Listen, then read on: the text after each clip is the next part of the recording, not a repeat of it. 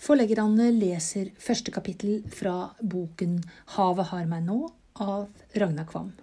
I forrige uke så leste jeg fra Oppbrudd, og Ragnar Kvam har jo gitt ut eh, hele fire bøker på flyt. Og her er altså bok nummer to. Klondyke. Eh, her er det, ser jeg at det er massevis av engelske ord og eh, steder og navn, så vi får håpe at det går greit. Jeg går i gang. Spinnakeren trekker oss langs foten av Mount Fairweather, som er 4670 meter høyt. Fjellet er dekket av snø og is fra strandkanten opp. Det blåser en lett vestlig bris. Vi seiler på Alaska-golfen, og været er eventyrlig. Vi er på vei til Elfin Cove, som ligger på den andre siden i Cross Sound, der innseiling til, innseilingen til Alaskas hovedstad Junot begynner. Jeg har hørt mye om Elfin Cove, alvenes bukt, og jeg gleder meg til å komme dit. Det er ingen biler der, og gatene er spikret sammen av treplanker. Vi har sett Mount Fairweather siden i forgårs, og lenge var det som vi aldri kom nærmere, uten at det gjorde noe, for flottere eh, kan et skue fra et dekk under seil ikke bli. Men nå er vi framme ved fjellet, og for Spinnaker glir vi ydmykt under dets bydende kraft. Jeg lar blikket vandre fra sjøkanten mot toppen mens jeg leter etter ruten jeg vil følge om jeg skulle kaste anker og gå opp. Jeg bestemmer meg for en lang, nesten endeløs rygg på sydsiden, og mens jeg lar fantasien klatre, drar Alaskas isende kulde gjennom meg for siste gang, for Northern Quest har langsiktig kurs for breddegrader, under Sydkorset, der palmene vaier og milde vinder blåser stille. Med om bord er Nina Daley. Eh, en dag det var for jævlig kaldt blant eh, fjellene i Seaward der jeg overvintret om bord på Northern Quest, hørte jeg det banke på hyttetaket. Jeg ropte 'kom inn' og så et fjes i luka. Det var Nina. Hun lurte på om jeg trengte mannskap når jeg en gang seilte videre. Ja, det kan vel være, svarte jeg overrasket over både jenta og tidspunktet hun hadde valgt for å spørre. Det var februar, termometeret viste minus 22 grader, og det var fire måneder til jeg skulle kaste trossene. Jeg satt over kaffekjelen, men ville ikke love noe. Jeg kjente henne ikke. Det tok likevel ikke mange uker før jeg fortalte henne at hun godt kunne bli med. Jeg likte hennes selskap, og vi snakket godt sammen. Hun hadde erfaring fra kystseilas og kappseilaser på Resurrection Bay, der Seaward ligger. Og nå vil hun lære seg skikkelig havseilas. Jeg fortalte henne om noen av prøvelsene tre-fire uker til sjøs har å by på, uten at det gjorde særlig inntrykk. Jeg skjønte hun hadde sterk motivasjon og vilje til å gjennomføre det hun ga seg i kast med. Dessuten kunne hun le. Jeg sa, du kan seile med til Seattle, går vi godt sammen, kan du bli med videre om du vil. Vil du mønstre tidligere, skal jeg ikke hindre deg, jeg skal til New Zealand eller Australia, der jeg må være før synklonsesongen begynner i november–desember. Det er en seilas på omkring 10 000 nautiske mil. Vi deler utgiftene til mat og drikke, diesel, olje og filter til motoren, sjøkart og nautiske tabeller. Blir du med til Down Under, betaler du din del av utgiftene til slippsetting og stoffing av båten. Hun sa ok. Så sa jeg så er det noe jeg vil spørre deg om før vi tar av sted. Må jeg til Eagle City og Dawson City? Ja, har æren der. Du har bil, vil du kjøre meg dit? Det er ingen betingelse for å, for å bli med og seile, da. Ja, da sa hun jeg har alltid hatt lyst til å se Dawson City. Eh, når eh, vil du dit? Jeg sier da en siste uke i siste uke av mai og første uke i juni. Når vi kommer tilbake, tar det en uke å gjøre båten seilklar, så drar vi, sier hun ok. Og Nina ble med rundt halve Stillehavet. Hun sto om bord i Northern Quest i 14 måneder. Hun vokste opp i Delaware, men alt som 17-åring brøt hun opp fra østkystens bråkete og rastløse livsstil. Etter mange års omflakkende tilværelse kom hun til slutt til Alaska som hun forelsket seg hodestups i. Da jeg traff henne, var hun 36 år, og hun hadde bodd under nordlyset i sju av dem. Mens vi seiler langs Mount Fairweather, blir de hvite fjellsidene langsomt røde, farget av solen som er på vei nedover himmelen, og siden suger også seilene rødt til seg fra gjenskinnet. Det var kaptein James Cook som ga fjellet navn. Han kom hit i mai 1778 med skipene Resolution og Discovery under sin tredje og siste oppdagelsesferd i Stillehavet. Det britiske admiralitetet hadde gitt ham i oppdrag å seile langs den nordamerikanske kysten til han nådde 65 grader nord, i håp om at han ville finne en passasje mellom Stillehavet og Atlanterhavet, den senere så berømte Nordvestpassasjen. I flere døgn hadde båtene hatt det, det dårlige været Alaskagolfen er så berømt for, og de sto ut i havet for å unngå den ukjente kystens lumske farer. Men så lette tåken, og de fikk sol og gode briser. Skipene ilte igjen mot land, og det første kaptein Cook så, var et stort, snødekt fjell som han straks kalte opp etter det fine været. Alaskagolfen ligger i Stillehavets nordøstre hjørne. Været er lumsk, og storm kan springe fra stille på et øyeblikk.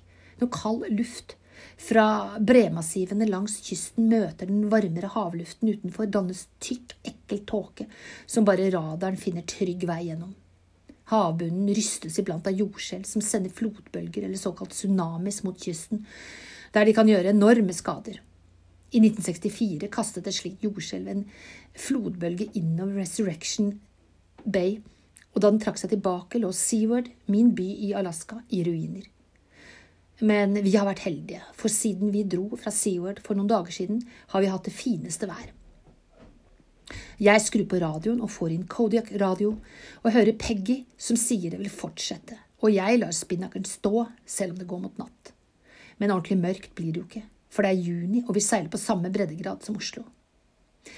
Peggy er en gammel fiskekone som for mange år siden begynte å sende værmeldinger til mannen når han var ute på fiske, for i det private USA fantes det den gang ingen skikkelig værtjeneste for Alaskas stormfulle kyster. Andre fiskere lyttet innpå, og Peggy gjorde seg snart uunnværlig. Opplysningene hun trengte, fikk hun over telefon fra meteorologer i Genoa. I president Ronald Reagans tid eh, mottok hun en fortjenestemedalje for innsatsen. Omsider begynte hun også å motta lønn. Første gang jeg hørte stemmen hennes, var mens jeg brynte nesa på en storm i Beringhavet. Hun ble snart min kjæreste som alle andre, så, og, var jeg, og var det noe i meldingen hennes jeg ikke fikk med meg, kunne jeg anrope henne og be henne gjenta. Og Peggy, hun gjentok. Vi seilte fra Seaward sankthansaften 1990. Det var vemodig å se den lille byen under Mount Alice forsvinne. Oppholdet i isen innerst i Resurrection Bay hadde forandret noe i meg, for da jeg seilte ut den trange, tindebesatte fjorden for siste gang, forsto jeg at jeg ikke ønsket å vende tilbake til en storby igjen.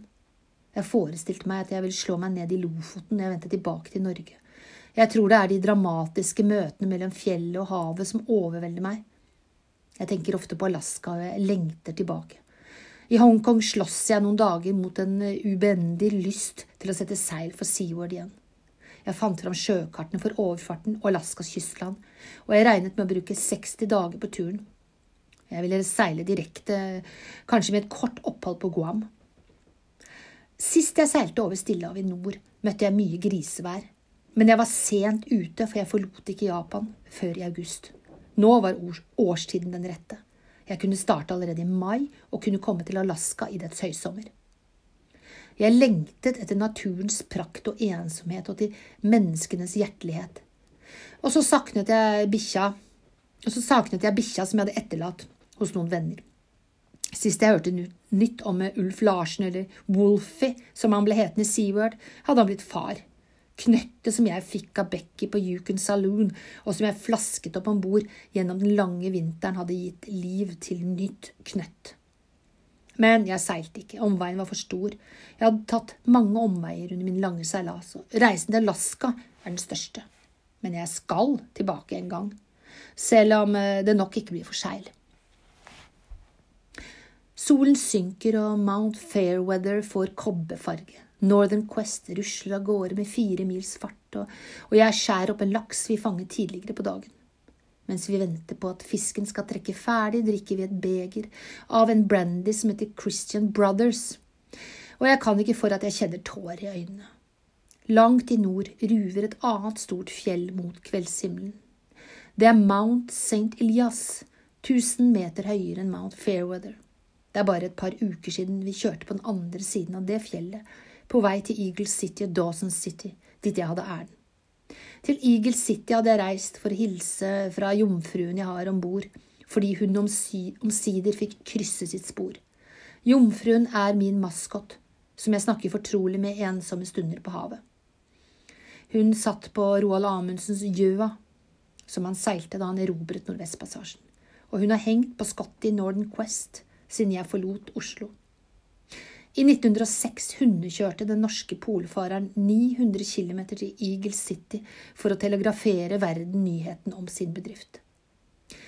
Til Dawson City hadde jeg villet for å se Klondyke og for å komme Jack Londons verden nærmere inn på livet. Dawson City ligger søvndrukken ytterst i Canadas endeløse villmark, der elvene Yukon og Klondyke møtes.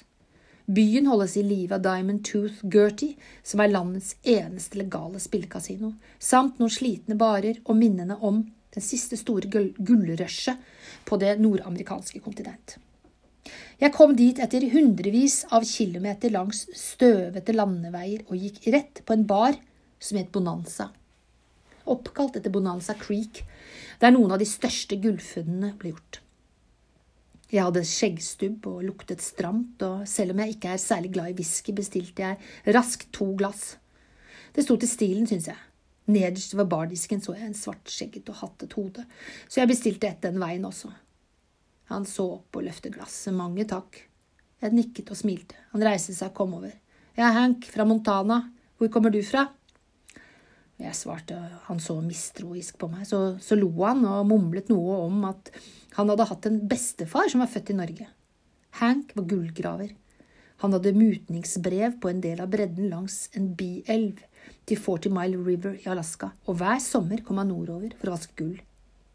Nå hadde han tatt seg fri noen dager, sa han, for det hadde ikke regnet på lenge, og det var lite vann i elva.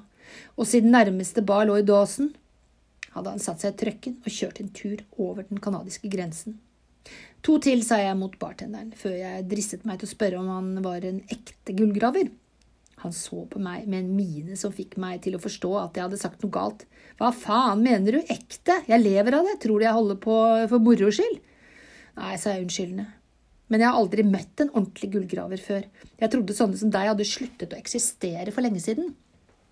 Å nei, far, det er ikke mange igjen av oss, eh, det er så, men noen er vi, og, vi finner gull. Hank sa han måtte vaske gull for omkring 60 000 dollar i året for å klare seg. Han brukte moderne utstyr, og halvparten gikk med til å betale for driften. Resten beholdt han selv. Det hadde gått bra lenge, men, i år så han eh, dystrere på utsiktene. Den langvarige tørken eh, hadde satt ham ut av spill, og dessuten hadde gullprisene falt, sa han, og de falt fortsatt. Kanskje blir det min siste sesong, sa han og stirret mutt framfor seg. Han tente en Camel og dro kraftig på den et par ganger. Så stakk han fingrene i venstre brystlomme på dongerijakka, der han hadde gjemt to små gullklumper som han la på, på bardisken. Se her, strålte han plutselig, jeg skal lage øreringer av dem. Jeg fant dem for en uke siden. Du skjønner, det er mer gull i disse traktene enn noen aner. Jeg vet det, for jeg har sett det. To whisky. Han glødet nå ved synet av gullet, glemte han fortredelighetene.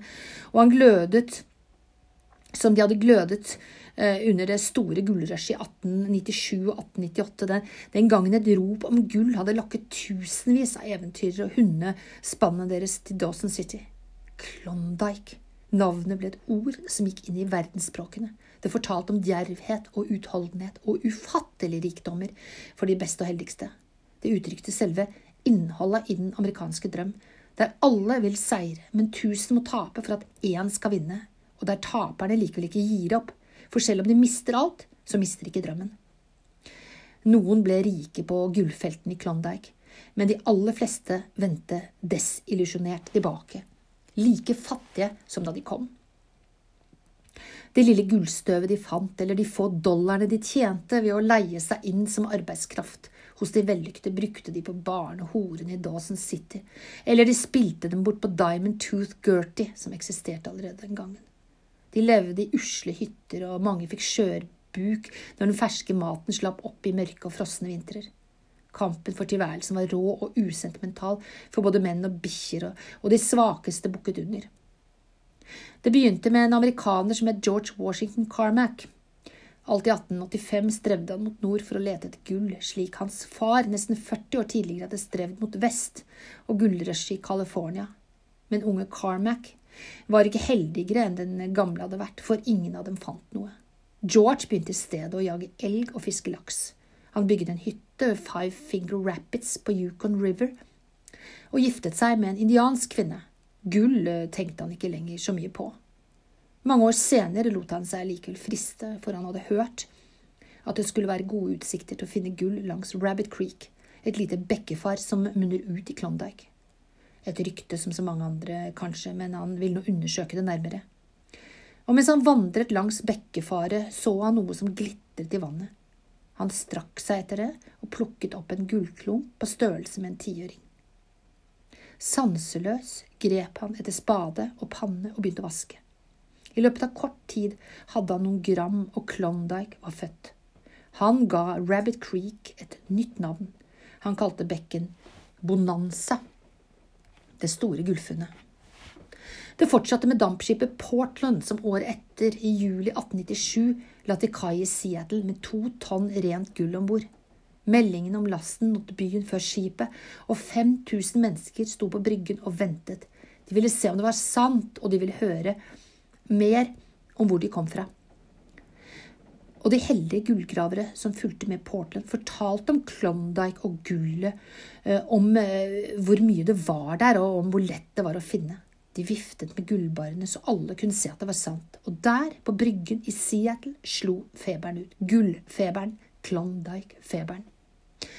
Jack London hørte til dem som ble smittet. Bare noen måneder senere, ivrig sekundert av sin søster hennes mann, var han underveis til gullfelten i Klondyke. Jack var bare 21 år gammel og allerede fullbefaren hardhaus etter et røft liv som sjømann. Drukkenbolt og fengselsfull. Han var revolusjonær sosialist, men drømte om å frigjøre seg fra arbeiderklassens mistrøstige favntak. Han innså at han ikke ville klare det ved nevers arbeid. Skulle han ut, måtte han bruke hjernen. Han ville bli forfatter. Det gikk skeis, og siden gull plutselig var på alles lepper, saltet han sine ambisjoner og trakk i ulveklær. Jack ville også være med i jakten på den store skatten. Han jaktet forgjeves. Hvor mye han travet og gikk, hakket, spadde og vasket. Der kom ikke et gullgrann i hans spann. Den nådeløse vinteren tilbrakte han i en liten tømmerkoie ved siden, som siden ble berømt fordi han ble det. Og alt neste sommer vendte han tilbake til San Francisco Bay, blakk og med skjørbuk i kroppen. Men om han ikke fant gull, så fant han noe annet som snart skulle vise seg å være langt mer verdifullt. I Klondikes dype vintermørke, i menneskers og hunders strid om å overleve kampen mot hverandre og mot naturen, fant Jack London sitt forfatterskap. Suset av whiskyen forlater jeg Hank, som vil fortsette å drikke, og det er derfor han har kommet til dåsen, for å drikke og feire gullklumpene som han skal lage øreringer av. Jeg vil til Bonanza Creek før det blir for sent på dagen og jeg begynner å gå. Jeg går først langs bredden av mektige Yukon River og ser på de sandbrune vannmassene som virvler mot Beringhavet 2400 km unna. Under gullrushet gikk det hjulbåter på Yukon. I noen korte sommermåneder fraktet de mennesker fulle av håp, deres hunder og gods til dåsen. Med tilbake seilte de få heldige, deres gull og alle de mislykkede. Jeg kommer til Klondyke og følger elva et lite stykke, før en bro tar meg over til Bonanza Creek. Jeg står i gullfeltet som endret USA og Canadas historie, og som fikk en hel verden til å miste besinnelsen. Mens jeg vandrer innover langs Bonanza Creek, husker jeg noen av åpningsordene i Villmarken kaller boken om Buck, der Jack London skriver om seg selv i en hunds skikkelse. Buck leste ikke aviser, og derfor visste han ikke at trøbbel var i vente, for ham selv og alle, de, alle andre sterke og langhårede hunder mellom Puget Sound og San Diego. For menn som famlet rundt i arktiske mørke, hadde funnet et gult metall, og mennene trengte hunder. Buck levde sine første år på en solfylt ranch i California, men ble forrådt av en gårdsgutt som solgte han til det harde livet som sledehund på trekket til Klondyke. Jack London lar hunden løpe langs sporet han selv fulgte da han slet seg mot det lovende gull, over de beryktede Chillicot passet til White Horse og siden på den frosne Yukon River til Dawson. Gjennom blodig kamp tar Buck makten over andre hunder, og langsomt lærer han seg å leve i ulvelandet, til han selv blir ulvers ulv og dreper menn, det gjeveste alt villmarken hadde kalt. Jeg være hvordan Bucks kamp har vært Jack Londons egen, for som hunden slåss han for å rive av seg seler og sette seg i respekt, og han slåss i samme land, for det var i Klondyke han fant nerven til fortellingen som skulle bli hans gjennombruddsroman. Jack London var selv ulv, ensom og jaget, lenge ute av stand til å løse de eksistensielle problemene han alltid kjempet med. Han undertegnet sine brev Wolf og likte at vennene kalte han Wolf. I sin store sjøgående roman om selfangst nordvest i Stillehavet lar han skipperen hete Wolf Larsen. Jeg løper Jeg går langs, jeg går langs Bonanza Creek i Klondyke-distriktet og føler en slags londonsk tilhørighet. Jeg er litt ulvete selv. Jeg tror jeg er ensom og jagende selv om jeg valgte et hav og ikke en villmark for mitt søk. Og kanskje er det ikke så tilfeldig som jeg liker å tro at jeg i Alaska kalte min egen hund Wolf, for det hviler noe vilt og villende over ulvelivet. Gjennom en tilsynelatende evig vandring lærer du til slutt å kjenne deg selv, slik Jack London omsider klarte, klarte det gjennom sitt granskende selvportrett John Barleycorn, eller Kong Alkohol, som boken så mistrøstig og misvisende er blitt hetende på norsk. Det lille dalsøkket gjør en sving og åpner seg. Jeg ser to store bulldosere flytte sand og grus. Jeg lurer på hvorfor vi Hvorfor å gå bort til en av karene og spørre. Vi tar ut gull, svarer han kort. Tar ut gull, sier jeg overrasket. Ja, gull. Jeg trodde det var slutt på gullet her. Jeg trodde Klondyke og Monanza var historie. Han flirer. Vi graver for 60 millioner canadiske dollar, i året. Jeg tenker på Hank. Han hadde rett. Det er fortsatt mer gull omkring enn noen aner. 60 millioner! Klondykerne kom aldri opp i slike summer. De hadde bare hakk og spade. De skulle ha visst. Jeg snur og går tilbake. Jeg finner Hank på Bonanza bar. Han har ikke rørt seg siden sist. Jeg bestiller whisky som vi tømmer begjærlig. Hank? Ja? Kan jeg få se på de gullklumpene dine igjen? Han finner dem fram og legger dem på disken. Jeg tar den ene og gransker den, og jeg biter i den rent gull. Jeg tar den andre og blir sittende og kjerne med den. Noen flere sånne jeg kunne kjøpe mine drømmer. Jeg kjenner gløden. Så lite og likevel så stort. Hva er det, spør Hank. Ingenting. Jeg, jeg, ville bare kjenne på det. Jeg, jeg kan ikke reise fra Dawson City, Klondyke, uten å ha tatt i ekte gull. Han smiler og ber om mer whisky. Blir jeg ikke fin, sier han så og holder en gullklump opp mot hvert øre. Et vindgufs fyker ned langs Mount Fairwater og treffer spinnakeren. Vi krenger svakt og skyter fart. Men jeg stoler ikke lenger på fjellets godhet, og vi tar spinnakeren ned. Det er natt, men ikke mørkt, for i juninatten sover ingen. Og vil du lese mer i boken, så, så må du kjøpe den, da. Men den er jo veldig fin.